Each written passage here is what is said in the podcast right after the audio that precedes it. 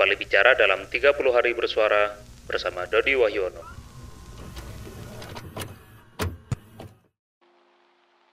Gimana kabarnya nih Tin? Udah lama nggak ketemu? Ya, puji Tuhan, saya dalam keadaan yang baik-baik saja. Walaupun Jawa Timur sedang dilanda COVID-19 ya. Iya. Uh, Martin ini buat pendengar yang belum tahu, dia salah satu uh, temanku dan kemarin-kemarin belum berkesempatan untuk ini sih uh, ikut bersuara di podcast biasa bicara. Makanya kali ini uh, aku secara personal ngajak Martin buat ikut uh, bergabung gitu. Dan Martin ini ini ya orang yang cukup unik menurutku. Dalam artian uh, dia ini orangnya punya uh, di satu sisi punya sisi moral yang tinggi sebagai manusia, tapi di sisi lain Martin ini juga ini bisa dibilang anak nakal gitu, anak nakal yang suka benda-benda jahat tapi enak, ya nggak Tin? Anjay, bener-bener sumpah. Ya kita nggak usah menafik ya, kamu juga kan manusia. Jadi si pada dasarnya manusia itu kan yang apa?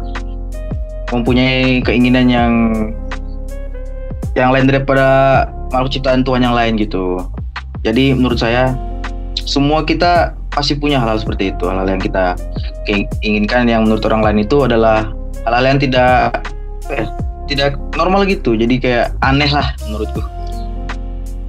Iya bener banget. Aku juga setuju sih. Kalau kadang um, keinginannya manusia sendiri itu ya bisa dibilang beragam juga dan ada yang benar-benar baik dan bisa dibilang mulia tapi juga ada yang benar-benar uh, dangkal gitu ya atau mungkin bisa dibilang uh, gratifikasi instan. Nah, mungkin ini sih Tin, uh, masalahnya kan kamu juga uh, secara kemanusiaan itu bisa aku bilang uh, tinggi gitu, tapi juga di saat yang sama kamu juga punya uh, kecintaan terhadap benda-benda yang jahat tapi enak itu. Nah, awal perjumpaanmu dengan benda-benda seperti ini itu gimana sih, Tin? Uh, bentar, bentar, bentar. Ini apa ini? Benda-benda seperti apa dulu maksudnya saudara Dodi ini? Benda-benda jahat tapi enak ya. Uh, ya inilah uh, kenakalan-kenakalan remaja pada umumnya kayak misal uh, paling kecilnya mungkin rokok, paling tinggi ya Iya bisa dibilang alkohol atau seks bebas. Kalau narkoba belum kan Tin? Eh jangan Tin, nanti tangkep kamu. Aduh kalau soal benda-benda kayak gitu ya menurutku kita hidup di di kota ya. Di apalagi di kota Malang kan sangat homogen sekali kan orang-orangnya, masyarakatnya juga homogen. Itu kebiasaan-kebiasaan dari beberapa latar belakang budaya itu pasti bercampur di sini. Dan kita juga akan mengenal bagaimana perbedaan konsep berpikir budaya cara-cara orang-orang lain menyikapi masalah dan bergaul gitu. Jadi otomatis jika kita bertemu dengan hal-hal seperti itu kita untuk pertama, pertama kali ya di daerah kan kayak minum-minum seperti itu kan kayak apa? Kayak itu kan minum terlarang ya. Maksudnya alkohol gitu kan cuma di di suatu occasion yang betul-betul perlu baru ada gitu. Tapi kalau untuk kayak senang-senang gitu apalagi ya ini tuh biasa ya kalau selama aku aku hidup pertama kali tahu dis diskotik ya baru di Malang gitu. Di tempatku nggak ada diskotik. Ada sih cuma ya nggak nggak terlalu bagus juga gitu dok. Jadi awal pertemuannya teman Martin dengan benda-benda ini tuh diawali dengan pertemuan terhadap orang-orang baru gitu. Jadi orang-orang baru yang memperkenalkan hal-hal seperti itu kepadaku. Tapi kalau untuk narkoba nggak pernah dot sumpah. Itu sumpah itu gue nggak pengen nyentuh banget sih sumpah sih soalnya kalau udah sekali terjerumus bakal hancur. Hancur banget sumpah sempat juga di apa dikasih tahu sama temennya abangku gitu kan pas di Blitar. Dia apa ngasih tahu aku gitu kamu kalau nakal nggak apa-apa itu nakal itu wajar. Namanya juga anak muda. Nakal itu nggak apa-apa. Mau berantem mau mau mabukan nggak apa-apa. Rokok-rokokan nggak apa-apa. Mau pacaran nggak apa-apa. Tapi satu hal yang harus kamu jaga gitu jangan pernah kamu sentuh narkoba itu saya cuma pesan itu aja. Katanya gitu jadi gimana ya? Kayak wah bener juga sih kata-katanya. Gimana sebelum kita mencoba hal-hal seperti itu kita juga harus tahu gitu efeknya apa gitu akibatnya apa nanti. Jadi kalau menurutku kita nakal boleh nakal boleh. Kamu mau nakal mau mau bukan mau ke diskotik dan lain-lain mau rokok-rokokan gitu nggak apa-apa. Itu itu hak kamu. Sebagai individu sebagai manusia yang bebas itu adalah hak kamu. Tapi hak kebebasanmu itu jangan sampai mengganggu kebebasan orang lain itu nah artinya bahwa kamu bebas untuk mabuk-mabukan itu bebas tapi jangan sampai mabukmu itu mengganggu orang lain gitu. dan kalau untuk narkoba sih jangan jangan pernah sentuh itu sangat-sangatlah merusak nanti Oke, aku setuju masalah uh, narkoba gitu ya. Karena emang ya ya walaupun aku ya dibilang nakal ya, ya mungkin buat sebagian orang bisa dibilang nakal gitu.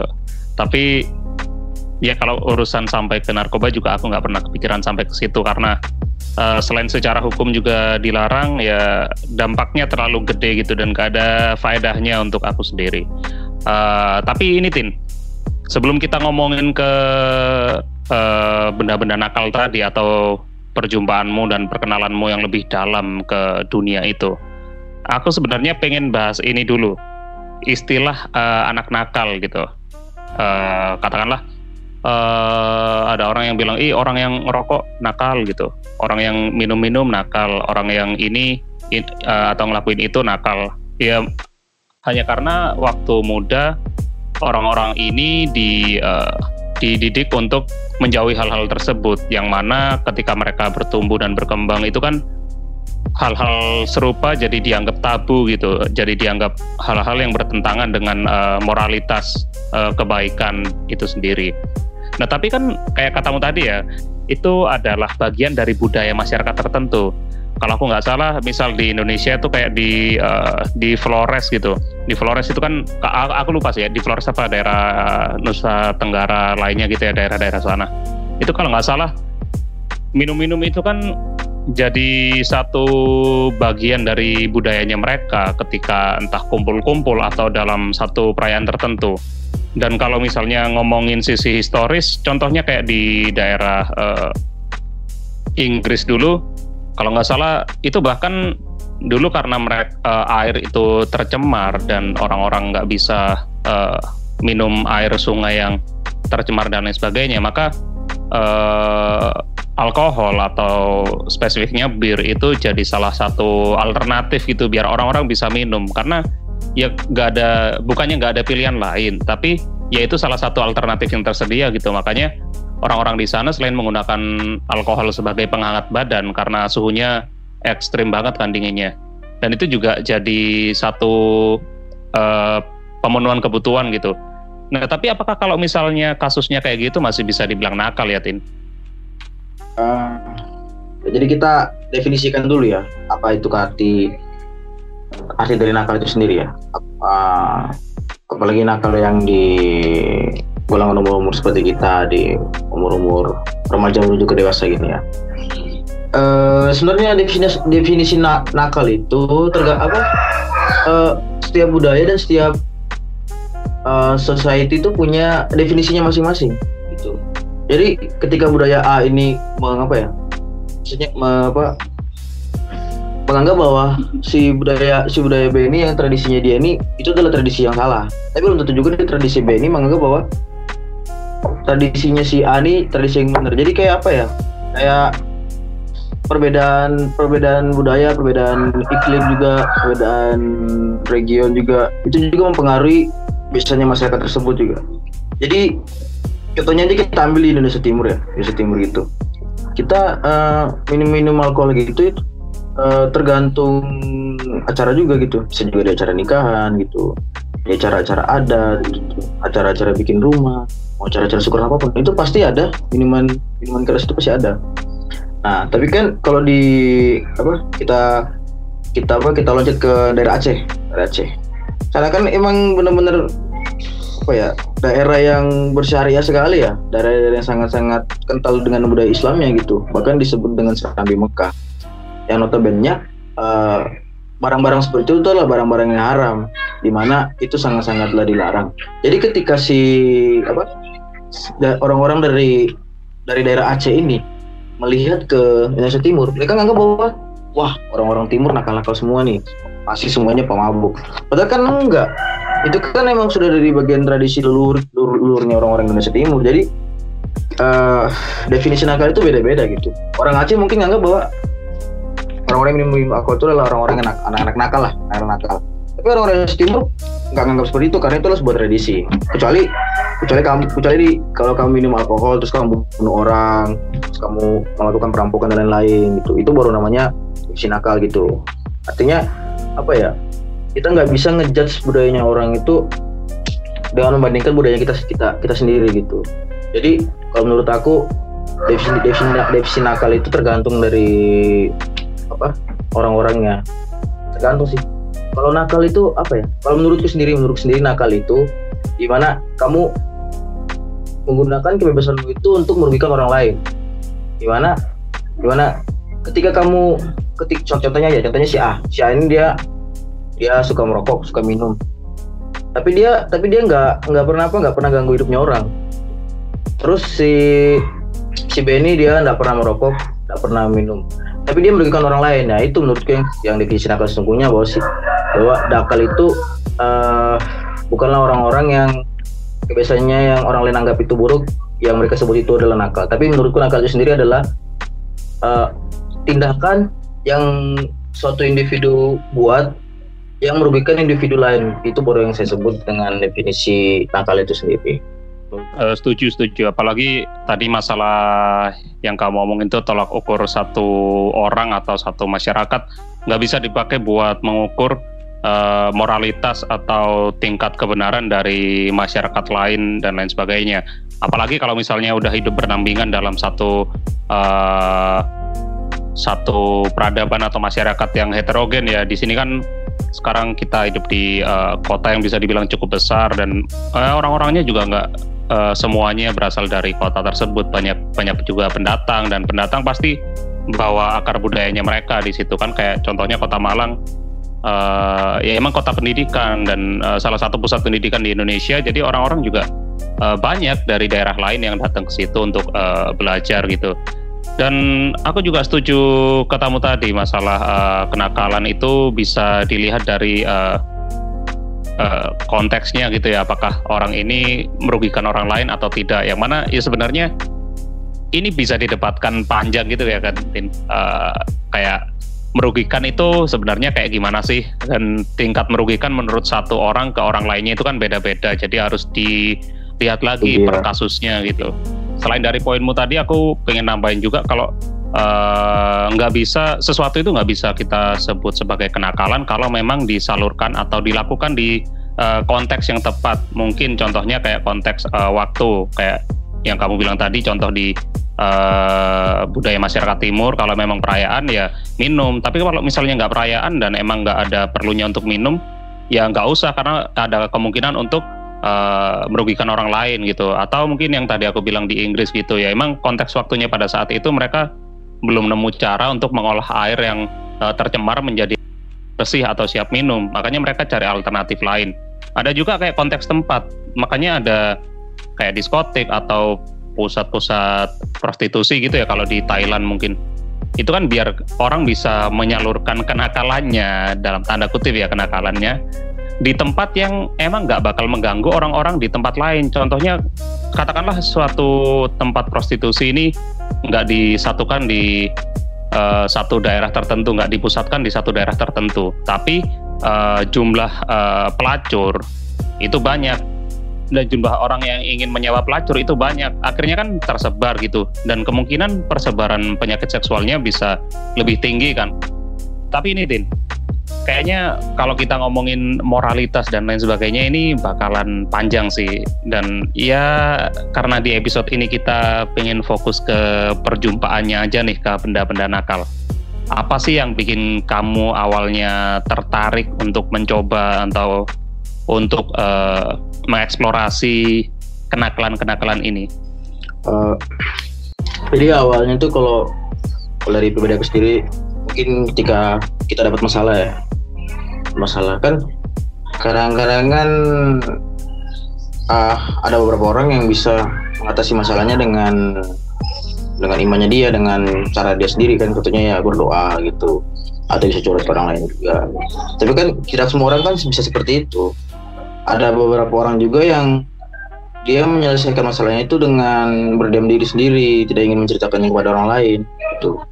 Jadi aku termasuk definisi orang yang itu, orang yang kedua itu yang kalau punya masalah ya malas gitu untuk cerita gitu. Karena apa ya? Kita menceritakan masalah itu menurutku bawa waktu aja gitu. Itu hanya untuk me, apa ya? melegakan pikiran kita, tapi belum tentu juga orang yang kita ceritakan itu bisa memberikan kita solusi yang baik. Nah, bahkan jika itu adalah masalah-masalah yang sangat serius ya bahkan orang-orang bahkan kita sendiri menganggap bahwa orang lain tidak akan bisa memberi kita saran karena yang bisa menyelesaikan masalah itu sendiri adalah kita sendiri tuh jadi menurutku ketika aku menghadapi masalah seperti itu apalagi aku sendirian terus kayak mau cerita ke orang lain juga kayak nggak bisa otomatis aku larinya ya ke benar-benar seperti itu. Apalagi kan aku SMA kan nggak pernah ngerokok SMA aku kan rokok kan baru kuliah baru kuliah semester 4 baru aku ngerokok gitu. Ngerokok habis itu baru apa kenal alkohol juga di semester semester 5 gitu. Ya kalau soal alkohol yang kayak arak-arak itu yang udah kenal dari lama sih tapi maksudnya dikonsumsi untuk buat mabuk itu barusan pas kuliah baru itu. Tapi teman-teman yang menemaniku selama kesedihanku meratapi masalahku adalah nikotin dan alkohol. Jadi apa ya menurutku perkentalanku di awal terhadap nikotin dan alkohol ya karena menghadapi masalah-masalah apalagi masalah-masalah ketika beranjak menuju ke dewasanya. Dari umur belasan ke 20 gitu itu masalah-masalah hidup itu udah mulai udah mulai apa? Keluar ke permukaan coy. Udah kelihatan banget sumpah. Apa yang kita harus lakukan gitu. Bingung. Apalagi kita masih apa ya? Masih kayak labil gitu sumpah. Jadi ketika ada teman yang nawarin gini-gini kamu ada masalah ini ini, coba nih cobanya nih ini. Enak nih gitu. Udah coba gitu terus wah ternyata emang enak enak sih. Bisa apa ya, bisa kayak membuat nyaman untuk saat gitu buat tenang untuk saat gitu. Ya udah nyobain tuh. Jadi itu perkenalannya. Uh, tadi kan kamu bilang kalau kamu pernah uh, berkenalan dengan ini ketika kuliah itu ketika masalah hidup udah makin menumpuk dan kamu nggak ngerti harus lari ke mana lagi dan kamu bilang kalau uh, nikotin dan alkohol yang kamu konsumsi ini bikin kamu ngerasa lebih tenang. Kalau aku pribadi, aku emang konsumsi nikotin biar aku bisa lebih tenang daripada aku ketergantungan ke obat-obatan uh, konsumsi obat gitu ya. Karena konsumsi obat nggak bisa sewaktu-waktu, sedangkan nikotin bisa. Nah, tapi kalau dari kamu sendiri, apakah nikotin ini benar-benar bikin kamu tenang sih? Atau itu cuman sesaat doang dan bahkan sekarang udah nggak bisa bikin tenang lagi, Tin? ya ketika menyebab menyebab apa ya, menyebab nikotin menegak alkohol itu mungkin juga itu sugesti tapi ya yang yang tubuhku rasakan ya itu ya bisa menenangkan gitu. Ketika ada masalah gitu kita kayak se, se apa sementara sejenak bisa melupakan masalah-masalah itu. Buat tenang gitu juga di kadang-kadang ketika kita minum sama teman-teman kita ada kita ketika kita ada masalah kita bisa tertawa di situ. Tertawakan hal-hal yang sebenarnya tidak lucu tapi ketika kita sudah minum gitu ya alkoholnya udah naik di kepala pasti gitu. Pasti udah tak naik. Kalau orang orang Indonesia bilang sudah naik ya naik. Sinyal alkohol itu sudah sudah naik lah ke kepalamu gitu sudah merasuki pikiranmu. Gitu. jadi dia kamu merasa sedih kamu terus kamu menegak alkohol. Apalagi dibarengi dengan Surya 12 waduh itu adalah sebuah perasaan yang sangat sangat nyaman. Itu adalah salah satu cara untuk membuat kita tenang dalam sesaat tenang dalam saat supaya kita bisa berpikir bagaimana cara menyelesaikan masalah-masalah kita. Menurutku seperti itu.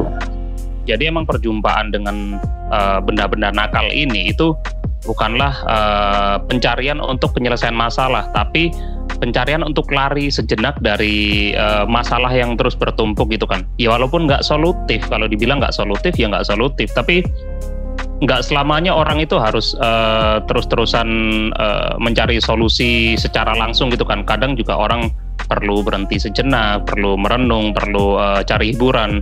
Dan itu mungkin menurutku sama dengan hal-hal yang mungkin bisa orang katakan positif gitu ya ketika uh, lagi tertimpa masalah atau stres mereka baca-baca buku dan lain sebagainya ya mungkin nggak semua orang bisa mengobati uh, dirinya sendiri dengan aktivitas yang sama. Kadang orang butuh aktivitas yang lain dan ya selama itu bekerja dan selama itu uh, terbukti efektif gitu ya untuk uh, menolong diri kita sesaat ya kenapa tidak dilakukan selama itu tidak merugikan orang lain.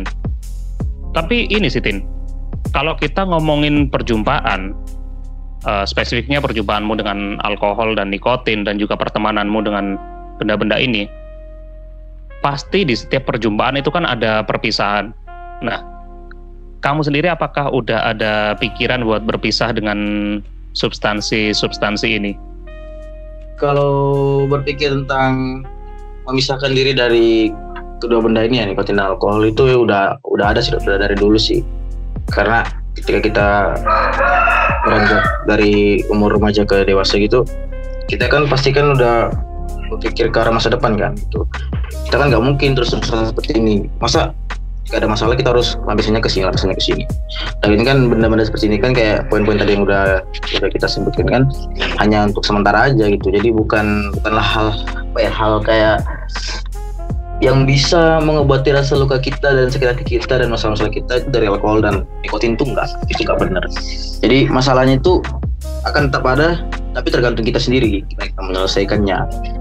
Terus kalau sekarang sih udah ngurangin banget tuh udah. Jadi kalau kalau kayak minum-minum alkohol gitu ya mungkin di acara-acara tertentu aja sih kayak ulang tahun gitu atau acara wisuda sedangnya teman baru minum kalau enggak ya ya enggak udah nggak butuh dah sekarang kalau aku ada masalah aku udah nggak butuh itu lagi sih kan udah ada teman yang teman bercerita gitu ya pasangan pula gitu yang bisa jadi tempat cerita gitu untuk mencari solusi yang lebih baik seperti apa gitu.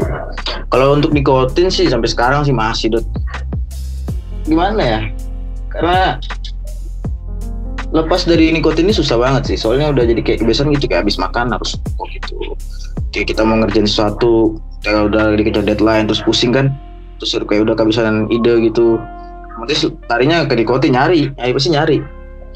Apalagi kita kalau udah udah dari dulunya emang hobinya kan ngerokok sambil ngopi. Kalau ada kopi terus nggak ada rokok kan aneh. Bayangin aja, kan kamu lagi ngerjain tugas gitu, jangan apa laporan atau apa gitu kerjaan gimana gitu. Kamu udah bikin kopi, terus pasti kemudian kan berjam-jam gitu. Terus wah masa nggak ada apa-apanya yang lain temenin kita.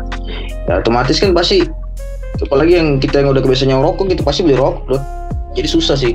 Tapi kalau untuk rokok gitu aku usahain sih aku harus aku harus bisa lepas dari rokok karena ya walaupun aku juga perokok terus peminum juga tapi ya kita jangan munafik lah akibat dari rokok itu sendiri ya bahaya juga buat diri kita sendiri apalagi buat orang-orang sekitar kita kan bahaya. Jadi uh, keputusan yang bijak adalah dan langkah yang bijak itu ya kita harus lepas dari benda-benda itu. Harus lepas. Ya memang kadang-kadang orang juga mikir gitu. Martin Martin kan tahu ya Tin ya kan kamu tahu ya kalau rokok itu kan nggak baik. Terus kenapa kamu masih ngerokok ya? Aku jawab aja? Ya gimana lagi ya namanya kita udah kayak udah kecanduan gitu kan. Canduan kita tahu buruk tapi kita udah kecanduannya gimana lagi? Tapi kalau untuk melepas itu saya aku ada sih ada. Pastilah. Aku juga pernah sih pernah nggak ngerokok berapa bulan tuh. Lama banget pernah. Pernah hampir empat bulan nggak ngerokok pernah. Dan itu berhasil. Berhasil banget aku nggak ngerokok. Itu tuh apa ya pencapaiannya sangat fantastis sih dalam hidupku berhenti rokok selama empat bulan tuh itu. Banget sih. Balik lagi ngerokok pas balik ke Malang gitu. Anjir udah ngumpul lagi sama anak-anak gitu. Ketagihan lagi rokok itu. Emang teman-teman itu setan ya Tin. Ketika kita udah berhenti uh, berinteraksi dengan benda-benda yang dibilang iya dibilang merugikan juga ke badan gitu. Tapi. Iya. emang setan. Ya emang teman-teman kan sukanya menjerumuskan ya. Jangan munafik juga lah. Kita juga kayak apa ya kamu sama aku dot kita juga kan pasti kayak pernah lah menjerumuskan teman. Nggak mungkin kita nggak pernah gitu. Pasti pernah lah. Kayak aku menjerumuskan kamu ke ini ya ke skripsi yang nggak selesai selesai enggak lah kalau skripsi gini ya ini diri sendiri sih ya masalahnya. Itu bukan orang lain yang buat masalah tapi ya mati sendiri.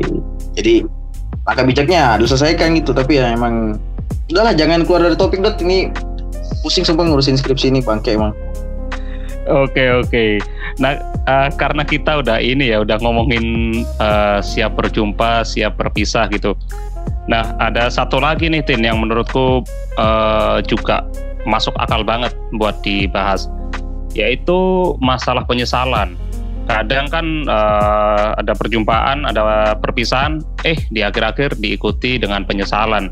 Nah, kira-kira kalau kamu nanti udah berhenti nih, udah berhenti dari ngerokok, udah berhenti dari eh, alkohol. Nah, ini apakah apakah mungkin ada penyesalan gitu, penyesalan pernah berjumpa atau penyesalan pernah berhenti mungkin? Hmm, penyesalan sih enggak sih, Dok. Menurutku kalau apa yang udah terjadi dalam hidupnya kita tuh tidak ada penyesalan. Contohnya kita gagal dalam berhubungan, gagal dalam berteman, gagal dalam karir, gagal dalam dunia pendidikan. It, jangan kamu sesali, tapi jadikan itu sebagai pembelajaran dan acuan kamu untuk hal yang lebih baik itu. Nah, tapi kalau soal nikotin dan alkohol ini, aku nggak bakal nyesel sih, karena aku tahu sih dari benda-benda ini, aku tuh bisa merepresentasikan Martinnya sesungguhnya seperti apa gitu. Jadi kayak lebih tahu gitu maunya Martin ini seperti apa sih, maunya aku nih kayak gimana sih gitu. Jadi apa ya? Kalau menurutku penyesalan itu tidak ada gunanya gitu, karena dari hal-hal yang orang lain anggap buruk aja itu bisa membuat kita belajar akan suatu hal yang baru gitu. Kita belajar untuk untuk bisa menyelesaikan masalah gitu. Buat kita bisa berpikir lebih jernih lagi gitu. Walaupun orang-orang lain menganggap bahwa hal-hal yang Martin lakukan itu adalah hal yang bodoh gitu. Hal yang kayaknya kayak apa ya? Kayak nggak ada positifnya gitu. Padahal segala hal itu kan semuanya bisa diambil pembelajarannya gitu. Betul itu cuman masalah cara pandang. Cara pandang kita terhadap satu uh, situasi atau satu pengalaman gitu ya. Ya kalau misalnya kita mau menyesali ya itu haknya kita. Kalau misalnya kita mau ngambil pembelajarannya uh, dan dikaitkan dengan hal-hal lain dalam hidup juga itu hak kita juga nggak ada larangan tertentu gitu atau nggak ada acuan tertentu yang kamu harus hidup seperti ini ini ini ini uh, mungkin kayak ini sih Tin quote-quote atau kutipan yang ada di buku Sidu, buku bergaris Sidu itu kalau di bawah kan ada tulisannya pengalaman adalah guru yang terbaik. Ya mungkin pengalaman aja lah. Iya, ya, harus sih pengalaman itu penting banget sih. Soalnya kalau kita nggak baca dari masa lalu kita nggak bakal bisa berkembang. Jadi apa? Ya kalau untuk orang-orang yang sudah berhasil lepas dari nikotin alkohol ya selamat kalian sudah berhasil itu dan kalian jangan pernah menceritakan bahwa itu adalah masa-masa kelam dalam hidup. Jangan pernah bercerita soal itu. Karena menurutku itu adalah di mana kalian mendapatkan wahyu. Seperti halnya si Darta Gautama mendapatkan wahyu dari siapa gitu. Akhirnya tercipta agama Buddha gitu. Dia kan tidak pernah menyesali dengan agama dengan latar belakang agama sebelumnya.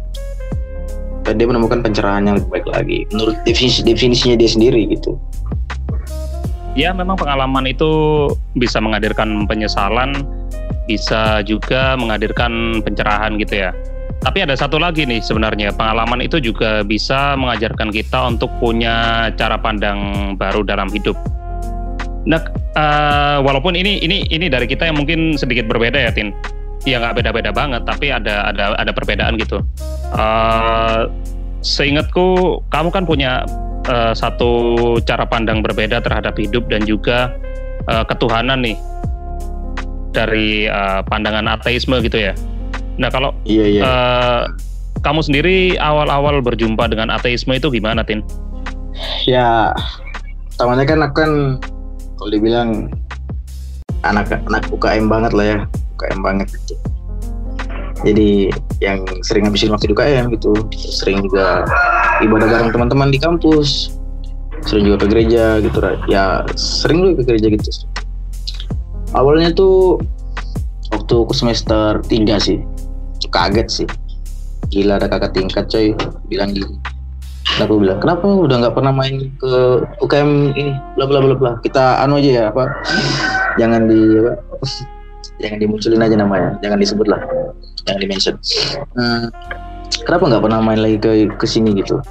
Ah buat apa? Percaya kayak gitu tuh buat kita bodoh gitu. Nggak ada yang kayak gitu namanya kayak gitu nggak ada. Bilang kayak gitu. Oh kaget lah.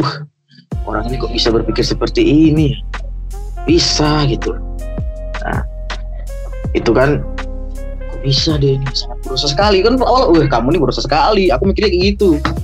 Habis pikir aku. Nah terus lambat laun aku mulai mencari tahu sendiri gitu. Cari tahu cari tahu cari tahu.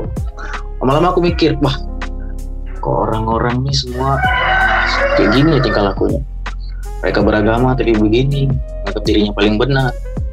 Ada juga beberapa ada kakak tingkat juga yang sering ke gereja tapi setelah apa, uh, di lingkungan sosialnya dia dia selalu menjelek-jelekan orang lain. Awal perjumpaannya ini kayak terlalu jauh sih terlalu jauh banget sih untuk kalau kita mau flashback ke masa lalu lagi aku juga juga sempat lupa gitu tapi apa ya kayak keyakinan seperti ini aku dapatkan dari diri sendiri sih bukan dari orang lain juga gitu. Aku juga sering sering baca-baca juga gitu. Jadi akhirnya aku lebih paham gitu bahwa apa ya fanat fanatisme kayak nggak perlu lagi sih itu hubungan apa ya hubungan antara si individu ini dengan dengan apa yang dia percaya itu adalah apa kayak masalah pribadinya dia aja sih. Jadi kita orang lain tuh nggak usah mempermasalahkan itu lagian oh ya kalau bicara soal ini terlalu ribet sih. Ribet banget sih asli. Sumpah. Jadi kayak orang-orang juga nggak bakal bisa paham gitu. Karena ini adalah buah pemikiran-pemikiran yang sebenarnya sudah dari dulu sudah ada gitu. Bahkan ditentang oleh agama itu sudah pasti ditentang sekali. Karena golong-golongannya orang-orang yang berpikir seperti ini adalah orang-orang yang tidak percaya bahwa adanya Tuhan. Menurutku itu adalah sebuah hal yang sangat-sangat baru di Indonesia, apalagi dengan orang-orang Indonesia yang sangat-sangatlah fanatik sekali dengan agamanya. Gitu. Yang menganggap bahwa mereka lah yang pemegang kunci surga. Gitu. Yang menganggap bahwa orang lain itu akan masuk neraka karena beda dengan kepercayaan itu dari kesulitan-kesulitan dari masalah-masalah hidup yang aku pernah alami gitu akhirnya aku bisa menemukan gitu uh, maksudnya definisi kepercayaan yang aku benar-benar percaya itu sudah aku temukan sendiri sendiri sudah. Dan itu ateisme itu sendiri. Jadi uh, pada dasarnya perjumpaanmu dengan ateisme ini adalah uh, justru berasal dari organisasi uh, yang erat kaitannya dengan ketuhanan gitu ya Tin. Di mana ini justru ironis sih kalau aku lihat di mana organisasi yang uh, erat dengan uh, ketuhanan justru menghasilkan uh, beberapa individu yang tidak percaya dengan konsep ketuhanan gitu ya.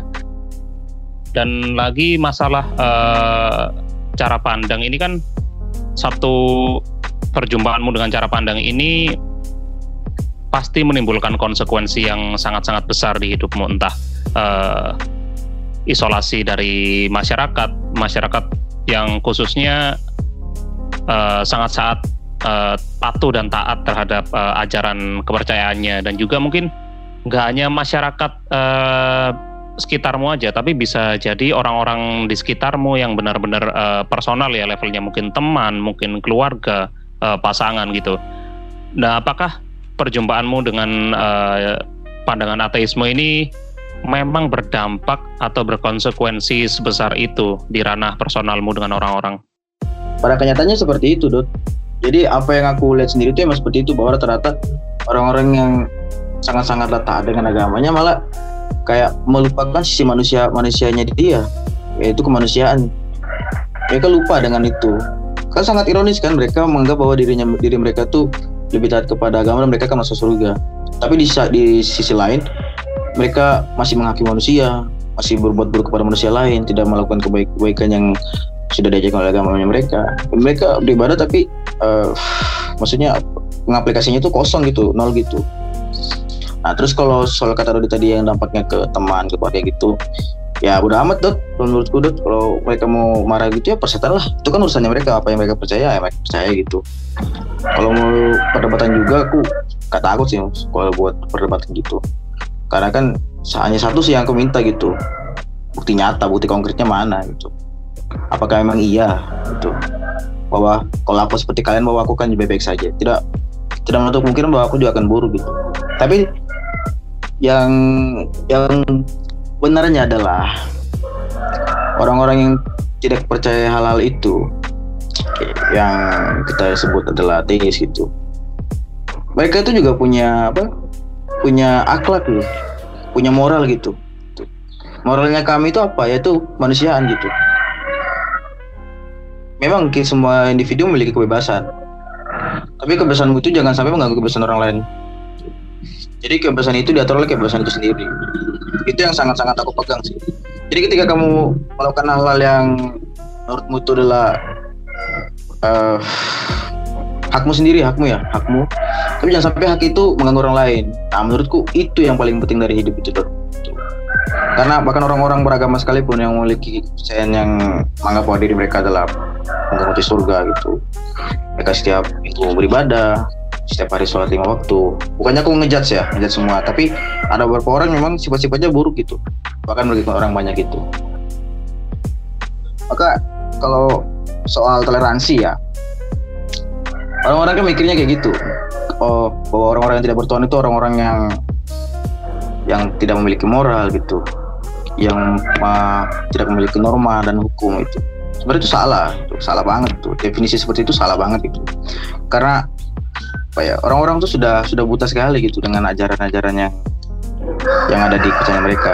Menganggap bahwa kepercayaan-kepercayaan orang lain itu adalah kepercayaan yang salah gitu. Tapi belum tentu juga itu adalah hal-hal yang salah gitu aku setuju banget nih kalau misalnya uh, masalah toleransi di Indonesia itu memang bisa dibilang uh, cukup kurang ya atau belum cukup toleran gitu orang-orangnya.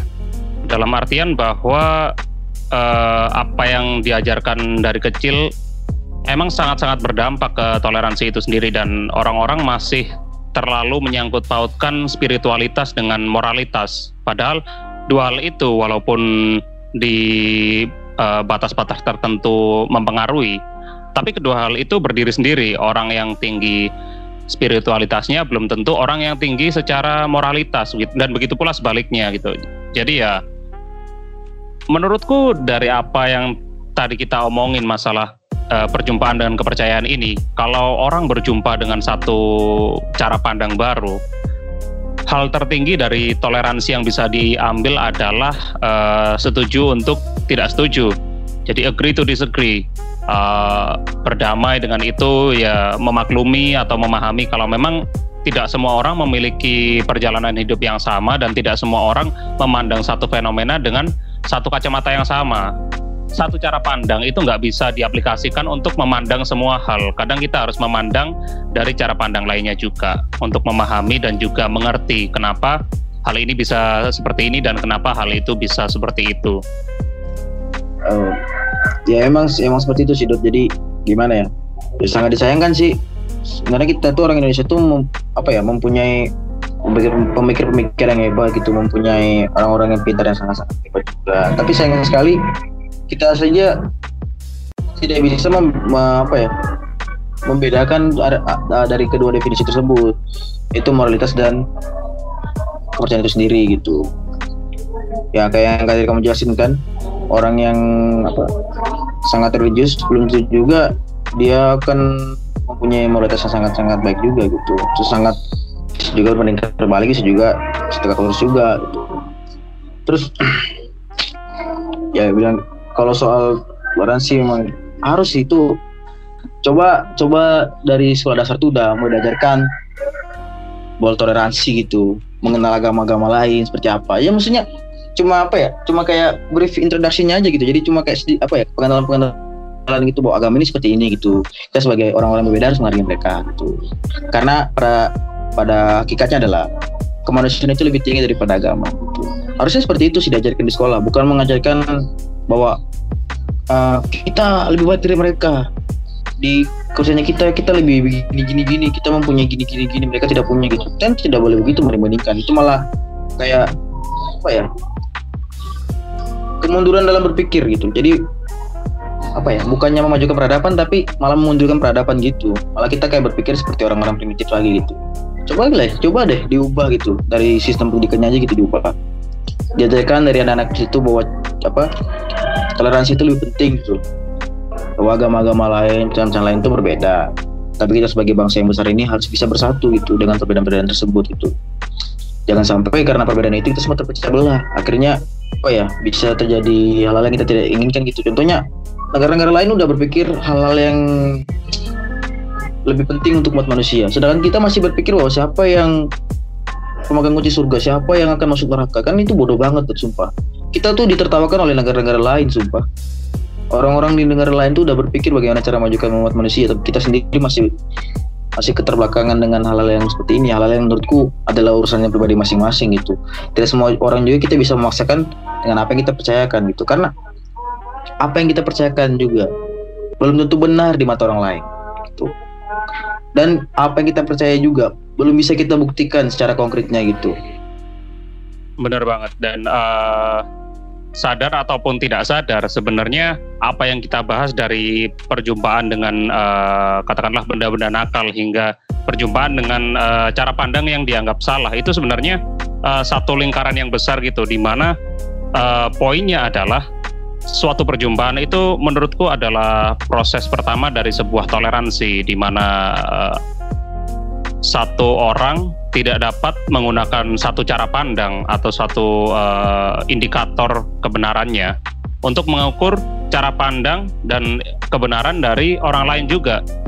Jadi memang ada ada perspektif lain yang harus digunakan dan kalau memang tidak bisa menerima ya setuju untuk tidak setuju. Mana ya? Ya itu masih benar sih. Agree to disagree. Setuju untuk tidak setuju gitu benar dan uh, mungkin singkatnya ini sih dan aku mau bilang aku mungkin sedikit uh, menunggu berapa banyak kepala yang nanti uh, akan memberikan toleransi dan berapa banyak kepala yang justru akan menghakimi setelah mendengarkan uh, seri penuh atau ya full episode dari podcast kali ini gitu. Ya tapi aku ini sih benar-benar mengapresiasi kamu mau uh, bercerita sedikit tentang perjumpaanmu dan juga pandanganmu terhadap uh, berbagai hal yang mungkin dinilai tabu di masyarakat. Nggak cuma tabu tapi juga uh, benar-benar dikecam gitu sebuah yang tabu dari yang paling tabu gitu. Terima kasih banyak Dodi karena sudah mau mengundang saya di podcastnya Dodi gitu. Semoga apa yang Dodi inginkan dari hadirnya podcast Shadow ini semoga bisa merubah pemikiran orang-orang gitu. Semoga bisa menambah wawasan orang-orang juga gitu. Oh ya btw yang aku paling suka adalah yang waktu Dodi podcast siapa gitu. Itu bagus banget tuh sumpah. Yang cara dia me, apa berpandangan terhadap percayaan orang lain gitu. Itu sangat sangat keren sih keren sih. Kalau tidak salah itu di podcast yang tahun lalu kalau tidak salah. Itu saya sangat suka sekali sih. Kalau bisa boleh minta linknya dot Siap siap. Kalau nggak salah itu yang sama uh, Vicky kalau nggak salah. Ntar lah aku share. Oke. Okay. Iya itu gila sih. Gila gimana mm -hmm. keren keren. Kamu juga nggak kalah keren kok Tin. Enggak sih. Kamu lebih kamu lebih keren sih. Bangsat. Bisa gitu ya. Kenapa ini saling memuji? Ya nggak apa-apa kan di Indonesia kan kurang seperti itu. Memuji itu kurang gitu kalau di budaya orang luar negeri memuji itu adalah suatu apa suatu kayak itu sudah harus sih harus sih supaya bisa apa bisa menambah percaya dirinya orang lain gitu. Tapi Indonesia kan lebih banyak ngejasnya gitu daripada memuji gitu. Daripada apa memberikan sebuah apresiasi terhadap orang lain gitu. Itu kan sangat jarang di Indonesia. Karena memang budayanya kita tuh tidak ada yang ngajarin seperti itu jarang sekali gitu. Udah lah cok, ngapain yuk tambah nambah topik lagi anjir. iya, malah bahas apresiasi. jangan, jangan, nanti di, jangan jangan panjang lagi nanti tambah panjang lagi ini bahasanya. Benar benar benar benar. Ya udah. Kali ini episode saya akhiri. Terima kasih sudah mendengarkan. Nah, thank you thank you thank you. Thank you.